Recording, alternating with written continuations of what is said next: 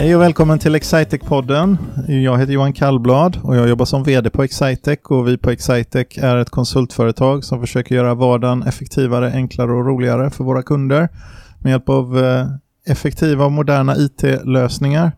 Och eh, de som vi intervjuar här det är för det mesta vår personal, alltså mina kollegor och någon gång ibland någon kund eller någon samarbetspartner. Och eh, idag har jag fått ett finfint besök som jag har längtat efter länge utav eh, vår vad är du egentligen Emma? Vår personal, HR, kulturchef Emma mm. Belenius. Tack Johan. Vad, vad, har du för titel? Ja, vad har jag för titel? Ja, men jag är väl HR-chef. Det är nog det som är min titel. Lite så, om man vill förstå jobbet HR-chef, då läser man Dilbert i huvudsak, eller? Vad sa du att du läste? Dilbert. Nej, det kommer jag inte ihåg. Evil HR Director. Jaha, ja, ja, du påstår ju det kanske, att det är så man ska beskriva en HR-chef, men um, Ja, alltså jag tror att det finns så många förklaringar på vad en HR-chef gör och den är så annorlunda eller olik tror jag på, på, på, på olika bolag. På Excitec så sysslar jag kanske främst med eh, kompetensförsörjning och kompetensutveckling. Kanske liksom verksamhetsutveckling egentligen som kompetensutvecklingen glider över i. Det, men det är ganska inne va, med HR-funktion eh, och HR-chef att satsa mer på den funktionen? Ja, det, jag tror det. Jag ja. tror det känns så. Men... Jag tror att den har fått ett uppsving precis som marknadschefens roll i organisationer. Marknadschefens uppsving handlar mycket om att man kan göra marknadsföring lite mer datadrivet och framväxandet av sociala medier och få det hela lite mer mätbart och sådär. Vad är HR-chefens uppsving? Var kommer den ifrån tror du? Ja, men den, den hänger nog ihop med den här generation Y, som vi kallar den för, som kanske söker ett en annan mening än att ha ett jobb 8 till 5. Söker efter en, eh, en kultur, ett sammanhang och en grupp att tillhöra snarare än ett jobb att gå till. Och då blir betydelsen av kultur och sammanhang och tillsammansheten viktigare än, än vad den tidigare varit. Möjligtvis. Jag är inte säker på att det gäller alla branscher, men vår bransch är den ju ganska central. Vi affärsmässiga linjechefer eh, som, som jag själv då, vi förstår oss inte riktigt på det och därför så anställer vi en stark HR-chef. För... Ja, fast det är ju inte sant Johan, du förstår ju på det väl. okay. ja, vad, vad, tänkte jag på, men du, du då? Vad, om, vi, om vi backar, det, HR förresten, jag ska förtydliga det, det har ingenting med HR att göra utan Nej. det är human resources humankapitalet? Min morfar sa faktiskt en gång när jag, han frågade mig vad gör du nu för tiden? Och sa jag jobbar, jag jobbar med HR. Och då sa han faktiskt exakt det som du sa nu. Jag hade ingen aning om Emma att du skulle bli frisör en gång i tiden. Så det är lätt, äh, lätt att, att missuppfatta det om man säger det snabbt. HR är ju human resource. Just det. Va, hur länge har du hållit på med, med det? Sen 2008 nio. Jag måste tänka, för barnen är ett bra, är liksom ett bra datumsbild. Men då, då startade jag mitt egna bolag 2009 tillsammans ja. med andra personer. Och vad gjorde ni i det bolaget? Då sysslade vi med rekrytering och bemanning till, eh, till alla branscher, men inom tjänstemannasektorn var mitt, mitt fokus. Ja, och sen har du varit på Excitec ganska länge nu också mm. va? Vi hyrde in dig först för att hjälpa till med bemanning och urval, urvalstjänster var det väl framförallt? Ja, så var det nog. Rekrytering. 2010 kanske? Ja. 2010, 2011. Jag fick ju faktiskt hyra ett rum av dig här också. Det stämmer. Kommer du ihåg det? Ja, det kommer jag ihåg. Det, det måste var, ha varit 2010 eller något. Det var när vi hade fler sånt. kontorsplatser än, mm. vi hade fler arbetsplatser än arbetande kollegor. Så vi hade lite plats över på vårt kontor.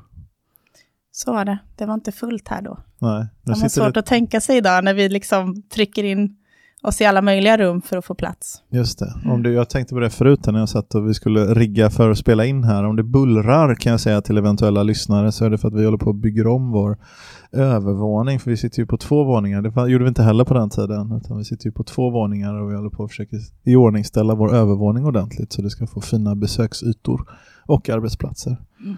Eh, där uppe också. Ha, 2011 kanske, 10-11 någon gång. Då kan ja. vi ha varit 25 personer va? Ja, det var vi nog. Men det måste ha varit 2010, 2011. 2011 kanske snarare. Det kanske inte är så viktigt. Men det var vi nog. Vi var nog 25 personer. Och jag hjälpte till då med urval och rekrytering i huvudsak. Så var det. Och sen fick vi ju ett jätteprojekt på halsen eh, i mitten av 2012 när vi förvärvade ett bolag som var lika stora som oss själva egentligen och fick gå igenom en jätte, ett jättearbete med att eh, försöka hitta en synkroniserad både förmåns, det var mest det du var inne för, Eh, vi trodde att det stora arbetet var att synka förmåner och arbetssätt men det visade sig egentligen att kultursynkronisering var eh, det överlägset svåraste. Kan man, är det en korrekt mm. Mm. beskrivning? Så ja, men vi underskattar nog det, tror jag. Vi ja. tänkte att de sysslade ju med samma saker som vi, i huvudsak. Ja, ja. Um, så hur svårt kan det vara? Det är väl ungefär lika, men det var ganska olika. Man överskattar, den här förmånssynkroniseringen är ju jobbig just när man gör den. Alltså förmånssynkronisering betyder ju att man har olika, om två företag ska slås ihop och så har man olika, någon och man kanske har olika arbetstidsmått eller olika röda dagar eller olika, alltså helgdagar är ju lagstadgat, man kan ha olika pensionslösningar eller någonting och så ska man liksom ensa det där och hitta en ett gemensamt sätt och det, det är ju väldigt jobbigt medan man gör det men det går ju över väldigt fort. För det är ju bara bestämma sig om man vill ha det och sen eh, införa det egentligen. Och prata med arbetstagarorganisationer och sånt. Men kulturen går inte så enkel för den är inte nedskriven och syns inte utan den sitter i väggarna och i, i något som inte syns. Eh, I hur personalen är med varandra och mot kunder och så vidare. Mm. Nej, det är riktigt. Det är mycket, mycket svårare också att veta och att göra snabba ändringar av, precis som du sa, förmånssynkronisering är ju, det är ju en händelse av här och nu och kulturen är ju ett mycket längre arbete. Och den är svår att veta, har vi, är vi på väg åt rätt håll, gör vi rätt saker? För man vill, man vill få svaren snabbt, men de kommer så mycket längre fram.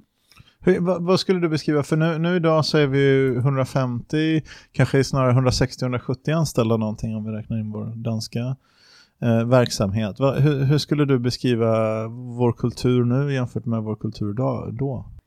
Jag tycker att vi, vi i mångt och mycket är ganska lika den, om vi tar den 2011 när vi var 25. Um, ehm, det här med att vi är, vi är en organisation där, och var en, en organisation där tillsammansheten fortfarande var väldigt liksom central och viktig och att det var, handlade inte om vad enskilda individer presterade eller gjorde, utan det var vad vi åstadkommer tillsammans som var viktigt. Det som, det som vi är så fantastiskt duktiga på idag, och som jag är så otroligt stolt över, det är ju framförallt den här lärande kulturen som vi har och som vi är hela tiden. Eh, och utan den så skulle jag säga, då hade vi inte klarat av det traineeprogrammet till den storleken vi driver heller. Så det är en av våra mesta styrkor tycker jag, att det är den här tillsammansheten. Den var väl den, det var väl det som mest av allt inte stämde överens i den här förvärvet tror jag. Det var det mer av enskilda individer som var otroligt duktiga och som mm. bar hela den, den organisationen. Det blev ju, tror jag, ett glapp där, där vi egentligen, för man ska ju kunna naturligtvis respektera den starka enskilda individen väldigt mycket och den personens hårda arbete och sånt. Men det blev väl ett glapp där, de, där vissa personer som faktiskt var högpresterare kanske inte kände sig sedda i vår kultur som inte går ut på att hylla individen utan den går ut på att hylla lagets prestation. Sen tycker jag nog att mycket så här, man väljer säkert att ta till sig informationskällor som passar ens egna värderingar bättre, så kan jag tänka mig att det är. Men jag tycker att mycket i, nu om man jämför med för 7, 8, 10 år sedan, så är trenden i, i, i näringslivet är snarare att gå mot grupp, eh, att det är gruppen och lagets prestation som räknas och gå bort lite grann från individ eh, och hjälteskapet på individnivå. Så jag tycker vi låg ganska vi låg ganska rätt där och låg ganska tidigt till utifrån eh, vad som passar i, i näringslivsströmningarna i övrigt, tycker jag. Det blir lite abstrakt här, men... Mm, ja, men det är riktigt. Vi har ju faktiskt vågat göra den resan till och med på ett av de yrkena som är mest individualistiska, sälj. Där vi idag har släppt liksom individualisttänket och ja titta på gruppen där med. Så ja, och inte ha individuella bonusar Nej. till exempel. och sånt. Även om det är individers ansvarstagande är ju det som bygger upp ett bra resultat ofta. Men, det, men resultatet som räknas är det som gruppen skapar, inte det som individen skapar. Det är väldigt lätt att göra referenser in i idrottsliga sammanhang där, när laget ska, ska spela bra. Ja, eh, vilket, vilket du, du sitter hemma och skrattar här, det var för att jag tänkte, jag sa till henne innan vi kanske ska prata lite om handboll, för vi har nämligen en, en eh, erfarenhetsbibliotek där som är då att jag kommer från Alingsås där handboll är väldigt, väldigt stort och Emma kan väldigt, väldigt mycket om handboll och jag kan absolut ingenting, eh, kan man väl sammanfatta det som, så vi brukar enas i att inte vara överens i vår inställning till handboll kan man väl säga. Mm. Så jag tyckte du, du såg på mig att jag ville göra en liten lead-in till, till handboll här va? Ja, men du tittade ju faktiskt lite på handbollen här nu när det var handbolls-VM Ja, senast. faktiskt, men då ja. hade du ju ganska mycket åsikter om, om det också. Nej, det var bara I vanlig positiva ordning. åsikter. ja. vad, vad tänkte jag på, vad, vill du prata lite om handboll? Nej, jag, jag, jag kan ju prata om handboll gärna. Vad vill du veta om handboll? Nej, jag vet inte, det kanske inte är så viktigt för det, här, för det här sammanhanget, men vi har ett segment som heter att någon berättar om något Ja, i denna podcasten. ja. Det, men du, vi pratar nu, du vill ju prata om biodling och inte om handboll. Nej, men biodling är det nya. Ja, okej. Handboll har jag ju liksom varit och är intresserad av sedan länge. Ja. Biodling är ett, ett nytt intresse. Ja, okej. Ja. Ska vi backa tillbaka sen då? Personen Emma har vi inte heller pratat om eh, riktigt ännu. Var född och uppvuxen Här i Linköping. här i Linköping? Jajamän. Men min mamma bor i Stockholm sedan en bra tid tillbaka, så där har jag också spenderat en del av min uppväxt från högstadieåldern. Och sen har jag bott i Frankrike också. Ja. Vi har haft Men jag har återkommit hit. mycket frankofiler här. Jag i- i vet, det är jag här- som anställer dem. Ja, det är därför. Det är ingen slump. Nej, Nej, just det. Så är det. Linnea bland annat. Ja, exakt. Eh, det, det finns fler faktiskt. Men eh, eh, så Linköping, född och uppvuxen och har återvänt Mm. hit. Vad är det bästa med Linköping? Det är nog att min familj bor här. Just det. Det är så. Mina systrar bor här. och, min, och min pappa. Så Just det är ändå det som är det bästa med Linköping. Just det. Så om ens familj inte bor här, vad skulle då det bästa vara med Linköping? Bra tillfälle att säga någonting om Excitec. Ja, absolut. Förutom att Excitec är här. Men vi finns ju på många andra orter också. Ehm, jag tycker att Linköping för min del, det är en lagom stor stad. Det är kanske det klassiska att säga om en, är vi, den sjätte största staden i, i Sverige eller någonting. Sjunde kanske nu. Ja, jag vet inte om det är några som har gått om. Vi var uppe och var femte största. Ja, men det är vi inte längre. till. Nej, jag tror jag läste det också. Men ett bra universitet har vi ju.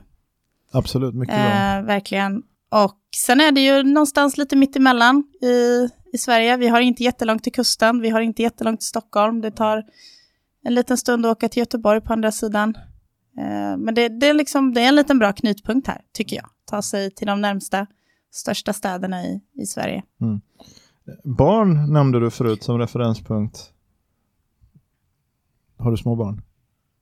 Jag vet inte om de betraktas som småbarn, de är 12 och 10. Ja. Det är ju inte så, men det brukar ta upp en ganska stor del av Ja. ens vakna tid. När man, eh, när man har barn som inte är så eh, himla gamla då. Nej men så det var det, ja då placerar vi dig. Eh, Natur, du bor på landet dessutom. Mm, det gör jag. Utan- ja, Jag bor jag försöker- ute på landet. Jag Bland... försöker skapa någon form av lead-in till biodlingen här. Som ska bli naturlig. För man tar, så här, utifrån tankelogiken att man bör väl bo på landet om man odlar bin. Ja. Eh, nu som sagt så är ju det här en ny kunskap, så jag vet inte riktigt vilka regler som gäller. Så alla biodlingsexperter som lyssnar nu får, får hejda sig då. Eh, men det är inte där vi tänker ha våra bikupor, där jag bor på landet, utan de är tilltänkta att ha i ett tätbebyggt område hos min Aha. syster. Okej, ja. Var bor syster? Hon bor i Ljungsbro. I Ljungsbro. Mm. Men nära vatten, för det vill bina ha. Ja, okej. Ja. Det, det är liksom en bra grej att de får vatten och har närheten till vatten. Mm. Och det är, och syftet med den här biodlingen? Ehm, det är väl sådär att det har väl inte undgått så många som är miljöintresserade att bina har en ganska stor betydande roll i den här att pollinera och föra vidare liksom, till, liksom tillväxten av, av viktiga, ja, av viktig grönska helt enkelt. Av vår fauna. Och det andra är, så jag är väl liksom, jag är miljöintresserad Mm. i stort. Och det andra är ju ett, eh, det är, ett, det är en grej som jag och mina systrar gör ihop. Som en, som en kul grej tillsammans. Så om man vill börja, börja med biodling, hur gör man då? då? Ja, men man går på en biodlarkurs Ja. som jag inte tyvärr är med på, då, utan jag får den via mina systrar. I Motala går de den. Ehm, Och den är tio gånger. Och då får man lära sig allt om bin. Allt ifrån hur bikupan ser ut till hur bit funkar och hur, ja, hur de lever i sitt, sitt kollektiv och hur, vad, hur man ska göra för att bli en duktig biodlare helt enkelt. För det är som att ta hand om ett husdjur. Så Ja. mycket har vi förstått. Ja. Är det några Det är ganska tester mycket och aktiviteter man gör. certifieringar? Nej, jag tror inte det. Men däremot så får man en tillsynsman som det kallas under det första året. Som kommer och ser, ser till att man gör på rätt sätt och att man behandlar bina bra. Men du, får jag fråga, behöver de löpande underhåll här som ett husdjur? Alltså hur gör man om man ska åka bort? Kan man bara låta dem vara eller kommer de... eh, Nej, man jag, kan jag inte säger- gärna liksom ta Nej. med dem till någon annan eller kan man det? Nej, det kan man inte. Nej, Men det, alltså jag tänker, hur länge reser man bort? Ja, någon vecka? Ja, nej, men det tror jag inte är några problem. Men kanske inte månader. Nej. Nej. Men nu var ni, det var ju två, ni var ju tre som skulle ha hand om de här bina. Mm. Ja, men jag tror att det klarar vi av. Hur många bikupor har ni tänkt att... Ja, men det är också, tre har vi tänkt. Tre? Ja. Mm. Det har vi pratat om. Ja. Men man, man köper ju en, en, man köper, jag vet inte om det kallas för en koloni, men vi säger att det kallas för det, Ja. på 5 000 bin eller någonting. Och de blir ju uppåt 50 000. Oj. Så då kan man ju också få bli av med lite bin av den här tillsynsmannen när han kommer. För man kanske inte vill liksom skaffa sig fler och fler bikupor. För till slut blir de ju för många i en bikupa och då sticker de. Ja. Så då måste man ställa dit en till bikupa. Ja. Ja För att okej, de ska kunna de växa. Det är så man växer sina kolonier. Precis. Spännande. Mhm. Så att de, det, jag höll på att säga så här att det är synd att man inte kan ha dem till något för då borde ju det här 5000, men det kan man ju då. Fast det sägs ju då att kostnaderna, det är lite kostnader för att starta upp det här, både kring att köpa bin och bikupor och sådär, men de ska liksom inom något år, eller, eller inom två år, två till tre år så säger de, då har man liksom tjänat in de här pengarna i, i försäljningen av, om man vill, av honung. Oh, hur mycket honung räknar ni med att det ska produceras då? Ja, men första året så säger de att det blir inte mer än 20 liter ungefär. 20, men en liter honung, ja det är klart det är inte så mycket. 20, nej. Nej. det är inte speciellt mycket. Från en bikupa eller från alla tre? Nej, från en tror jag. Ja. Men där någonstans i och för sig, det blir ganska fort överskotts, eh, överskottshonung. Mm. Du kan få köpa. Så om man bara säger, oh, tack. Så om man bara ser det som att tid inte har något värde så, så är det, blir det lönsamt väldigt fort. Ja, så kan man ju säga. Ja, Mm. just det. Jag tror att vi nästan får, så det är nu i sommar som det gäller alltså. Det är nu i sommar som ni ska etablera, Juni till augusti kan man etablera den första, Juni så det blir i augusti. juni. Ja. ja. Jag kommer att berätta mer för dig. Jag så vi lovar har dig. en i Jag lovar augusti, dig. september. När börjar de första honungen bli? Men jag vet inte. Jag Nej. kan inte mer. Som jag sa, det här är helt nytt. Men troligen ett uppföljningsavsnitt Kanske. framåt augusti-september. Gud vad spännande. Mm. Se hur det gick med biodlingen. Ja, eh, om vi ska prata lite mer eh, Excitec då, då och den här eh, resan som vi är på. Vad förresten, vi har ju en call to action till alla eventuella lyssnare. Och det skulle ju vara att eh, gå in på vår karriärsida om man är intresserad av ett jobb på Excitec. Eh, och och hittar man inte den så ska man nog inte jobba i vår industri. Men det är väl excitec.se karriär Mm. gissar jag. Det är det. Det är riktigt. Eh, vad är, när du pratar med folk som inte känner till oss eh, och du brukar liksom berätta om oss eh, för att få dem lockade och sen också få känsla för ifall de passar hos oss. Vad är de första frågorna du brukar ställa då eller de sakerna du brukar berätta? Ja, men det här är så olika, men, men överhuvudtaget, den här situationen är ju jag inte så van vid, för jag brukar ju vara på din sida, verkligen ställa frågor till, till någon annan. Ehm, men det beror ganska mycket, du säger du en först, ett första möte med någon. Ja. Är det det du vill att jag ska beskriva? Då brukar jag nästan alltid berätta om Excitec först för personen. Innan jag faktiskt ens ställer frågor till, till personen i fråga. Ja. Vad berättar du då? då? Vad jag berättar? Mm. Jag berättar dels om vad vi har gjort, alltså det som vi var inne på här, vilka vi, vad vi har, så från att vi har va- varit 25 till att vi idag är 150, hur har vi gått tillväga? Vad har vi, vad har vi gjort för utmaningar, vad har vi stått inför och hur har vi hanterat dem? Och vad, vad är vår plats på jorden? Varför finns vi till och, och vad, är det vi, vad är det vi hjälper våra kunder med? Ja. Varför är det viktigt det vi gör? Ja. Det brukar jag börja med att prata om. Sen, sen så brukar jag be kandidaten liksom mappa in sig i det som jag beskrivit och, och, och be dem förklara av det som jag har berättat. Vad, vad blir du mer nyfiken av? Eller vad vill du? Vad tycker du att din, din passion passar in någonstans? Så brukar det nog gå till. Mm. Och vad är de viktigaste sakerna som du vill, som du vill eh, veta om den personen som du intervjuar då? Eller Ja, men det med? är kulturfittan. Mm. Jag ska säga att det är alltid det, och den är svår. Det, man behöver ju ett par möten där för att veta. Det går ju inte att få på första gången. Eh, men, men vi har nog lärt oss, tror jag, att man har ju velat göra lite genvägar några gånger, eller hur? När vi har känt att men här har vi en kompetensbrist på en specifik liksom, teknikkunskap eller en Mm. applikationskunskap. Och här har vi person X som skulle kunna fylla det väl och direkt, fast vi, riktigt, fast vi känner att det inte är riktigt kultur. Men vi är sugna på att ta genvägen. Men det har vi lärt oss att det ska vi inte. Utan vi är ju duktiga på att lära. Så jag tittar mer på så viljan och frågorna lyder väl mer vad har du haft för förändringar eller vad har du stått inför för förändringar i ditt liv och hur har du hanterat dem och vad är du, är du stolt över relativt dem? Är det en risk om man pratar mycket och tänker mycket kultur? Är det en risk att man anställer människor som är för lika varandra? Nej. Det tror jag inte. Utveckla. Nej men, alltså, kultur är ju, är ju kultur är ingen följd av värderingar. Alltså värderingar, värderingarna är ju någonting som vi bestämmer att vi har och kulturen befästs ju av värderingarna. Värderingar man har hör ju inte så mycket ihop med personlighet. Okej.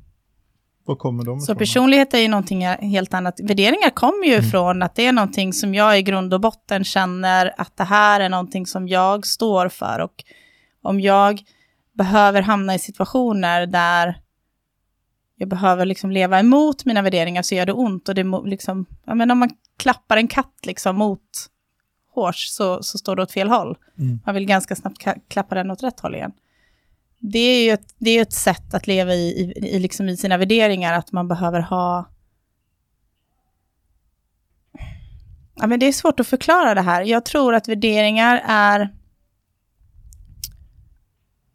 Det är någonting helt annat än personlighet, för personlighet är någonting som du och jag mer är födda i Mm. och vara. Och de är föränderliga över tid också, men värderingarna är skapade senare och fortsättningsvis genom livet. Du, för den här manande avslutningen då, när folk skulle gå in på vår karriärsida och så vidare. Vad, är, vad har du några topp tre på varför det är härligt att jobba på Excitec?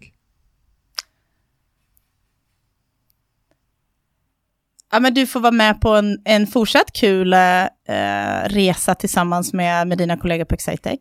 Vill du eh, göra nya saker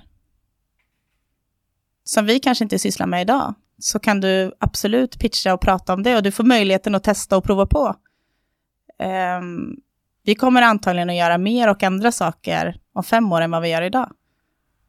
Så vill du vara med på en sån kul resa där, där du får möjligheten att utvecklas, inte bara som individ, utan även tillsammans med andra och i ett bolag som tycker om förändring, då tycker jag att då ska man, då ska man hänga med oss. Bli duktig på saker du inte ens visste att du ville bli duktig på. Ja, är Tillsammans med människor du kommer tycka väldigt mycket om. Antagligen. Om du, och som tycker om varandra och som tar hand om varandra i en omvårdande kultur. Samtidigt jobba med väldigt många spännande och roliga företag som ofta är på tillväxtresor också. Mm. Och som ofta inser att de inte kan så väldigt mycket om det som vi gör men att de måste ta till sig det som vi gör för att kunna uppfylla sin egen potential och alltså digitalisera, jobba effektivare med hjälp av smarta IT-lösningar, smarta och effektiva och rätt IT-stöd för rätt person och rätt plats och rätt tid egentligen. Så det är ett härligt ställe att jobba på skulle jag säga. Ja, det är det verkligen. Ja, jag är Det- inne på mitt nionde år. Ja, det är lång tid. Har vi något annat Nio år klokt? till Vi, kanske. ja, har vi något annat Mm. klokt vi glömt att prata med man som vi borde ha? Ja, men jag tror att man... Ja, något annat klokt. Det finns ju massor mer att berätta om oss än vad som vi har hunnit att prata om här. Verkligen. Ehm, jag tycker att... eh, att alla som inte vill jobba på Excitec, de har inte förstått hur fantastiskt vi faktiskt har det. Och det kanske låter, men, men jag sa det till dig Johan någon annan gång eh, när vi, vi kanske åkte bil någon gång, men jag sa att jag vill, och jag menar det, jag vill att Excitec ska vara den bästa arbetsgivaren, den bästa arbetsplatsen att jobba på. Och det känner jag verkligen. Och det, det är någonting som jag känner väldigt starkt för, men som jag känner att vi gör tillsammans. Så det är inte en ledningsaktivitet, utan det är en Excitec. Vi tar hand om varandra, precis som du sa, allihopa. Är du Det är stolt, förbaskat härligt. är du stolt över ditt jobb? Jag är jättestolt över mitt jobb. Jag har mycket bättre jobb än vad du har. jag har det bästa jobbet Ja, på Excitec. Jaså? Ja. Nej, det tror jag inte. Även fast du försöker ibland att rekrytera mig till lite andra tjänster hit och dit. Ja, till andra Ja. Excitec-tjänster. Ja, ja. precis. Emellanåt. Jag Emellanåt. emellanåt. frågar Emma om hon vill ta över som vd också dessutom. Uh, jo, det brukar Ja. jag fråga dig om emellanåt. Men eh, jag brukar få kalla handen. Eh, men det tror jag är för att du Men inte det är om du tar mitt jobb då? Ja, men det är väl tänkbart. Vi skulle kunna göra en rockad åtminstone några veckor. Mm. Vi skulle kunna, vi skulle kunna prova. Jag vet inte om jag skulle hinna med Våga i allt, ja. alla arbetsuppgifter som du har. Nej, nu är jag ju faktiskt ett team också. Det har inte jag varit tidigare. Just det. det skulle man kunna säga någonting om. Det skulle man kunna säga någonting om. Hur känns det att vara ett team? Jättebra. Alltså, jag har tänkt det förut, hur hann jag att göra de sakerna som, som vi gör idag? Och det gjorde jag ju inte. Så vi gör så himla mycket mer saker idag än vad vi gjorde för 12, 12 månader sedan. För det är ungefär bara ett år som jag har haft Linn Mm. i mitt team och alldeles nyligen så fick vi tillskott av Mats som har, som har varit här och pratat, tror jag, ett par gånger. Ja, absolut. Han tycker om att prata. Linn har också varit Mhm. här och pratat. Eh, nej, för det brukade ju också vara så här i, ut, när vi, du och jag hade utvecklingssamtal, hette det så? När medarbetarsamtal. Mm. När du och jag hade medarbetarsamtal, då brukar jag ju i regel eh, berömma din prestation men säga att en svaghet var att du inte lyckades gnugga av dig den till någon annan och att vi kunde bli eh, hämmade i att du var en trång sektor. Så du har faktiskt tagit ett stort stort steg de senaste ett och ett halvt åren. Jag skulle vilja säga Ja. tack, tack vare, Tack vare dig, va? mitt ledarskap i våra medarbetarsamtal. Ja, det är Ja. säkert så. Jag tittade på vår målkvadrat och sen så såg jag just det, vi ska bli fler. Det har Johan och jag bestämt i ett Ja. medarbetarsamtal. Exakt.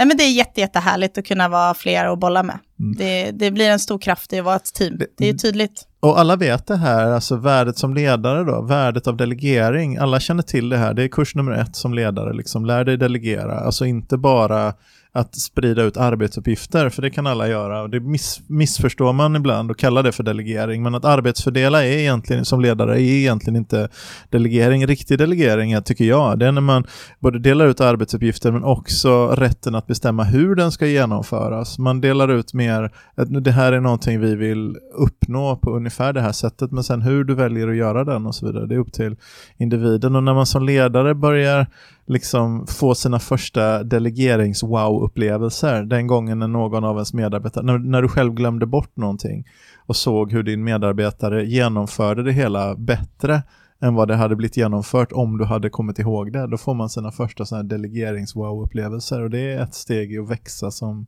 ledare. Man behöver sina första tre, fyra wow-delegeringsupplevelser för att säga att vänta lite, det här verktyget delegering som det står om i alla böckerna, jag ska nog faktiskt börja använda det i mitt ledarskap. Det är en väldigt härlig ledarupplevelse som jag Mm. själv har fått eh, förmånen och glädjen att, att eh, känna många gånger här på Excitec. Så ja, Ja, men det är riktigt. Helt, helt klart. Det är jättehärligt när saker bara händer. ja, Så saker har bara hänt alldeles nyligen där mitt team har bestämt att vi behöver vara en till. Så, så det också, vi behöver ha ytterligare, ty tycker vi, en, en person i vårt HR-team. Så är man nyfiken och intresserad av att jobba med personalfrågor och eh, rekrytering i synnerhet, mm. så tycker jag också man ska checka in på vår karriärsida. Bra, Ja. tack så mycket för att du ville komma hit till Excitec-podden. Tack Johan. Tack Emma.